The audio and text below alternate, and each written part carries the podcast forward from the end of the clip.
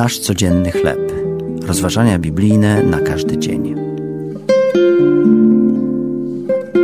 Nasz zazdrosny Bóg.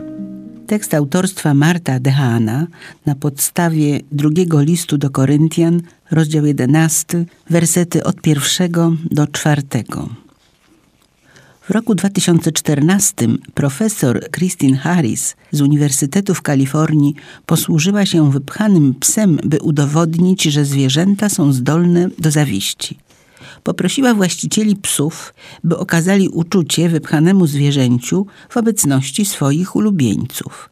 Doszła do wniosku, że trzy czwarte zwierząt reagowało z jawną zazdrością. Niektóre próbowały zwrócić na siebie uwagę dotykiem lub delikatnym trącaniem.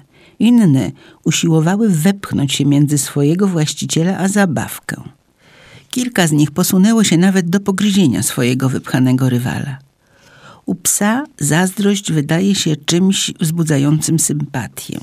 U ludzi natomiast może prowadzić do mniej pożądanych konsekwencji. Mojżesz i apostoł Paweł przypominają nam jednak, że istnieje również inny rodzaj zazdrości, który w piękny sposób odzwierciedla Boże serce. Gdy apostoł napisał do zboru w Koryncie, stwierdził, że jest zazdrosny o niego Bożą zazdrością. Nie chciał bowiem, by jego myśli zostały skażone i nie odwróciły się od szczerego oddania się Chrystusowi.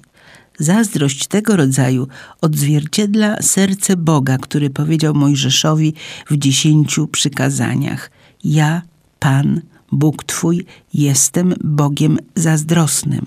Boża zazdrość nie przypomina naszej egocentrycznej miłości.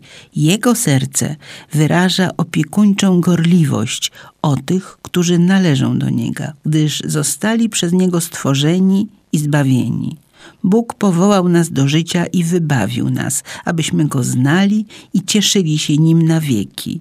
Czego nam więcej potrzeba do szczęścia, prócz Boga, który jest tak żarliwy i zazdrosny? To były rozważania biblijne na każdy dzień. Nasz codzienny chleb.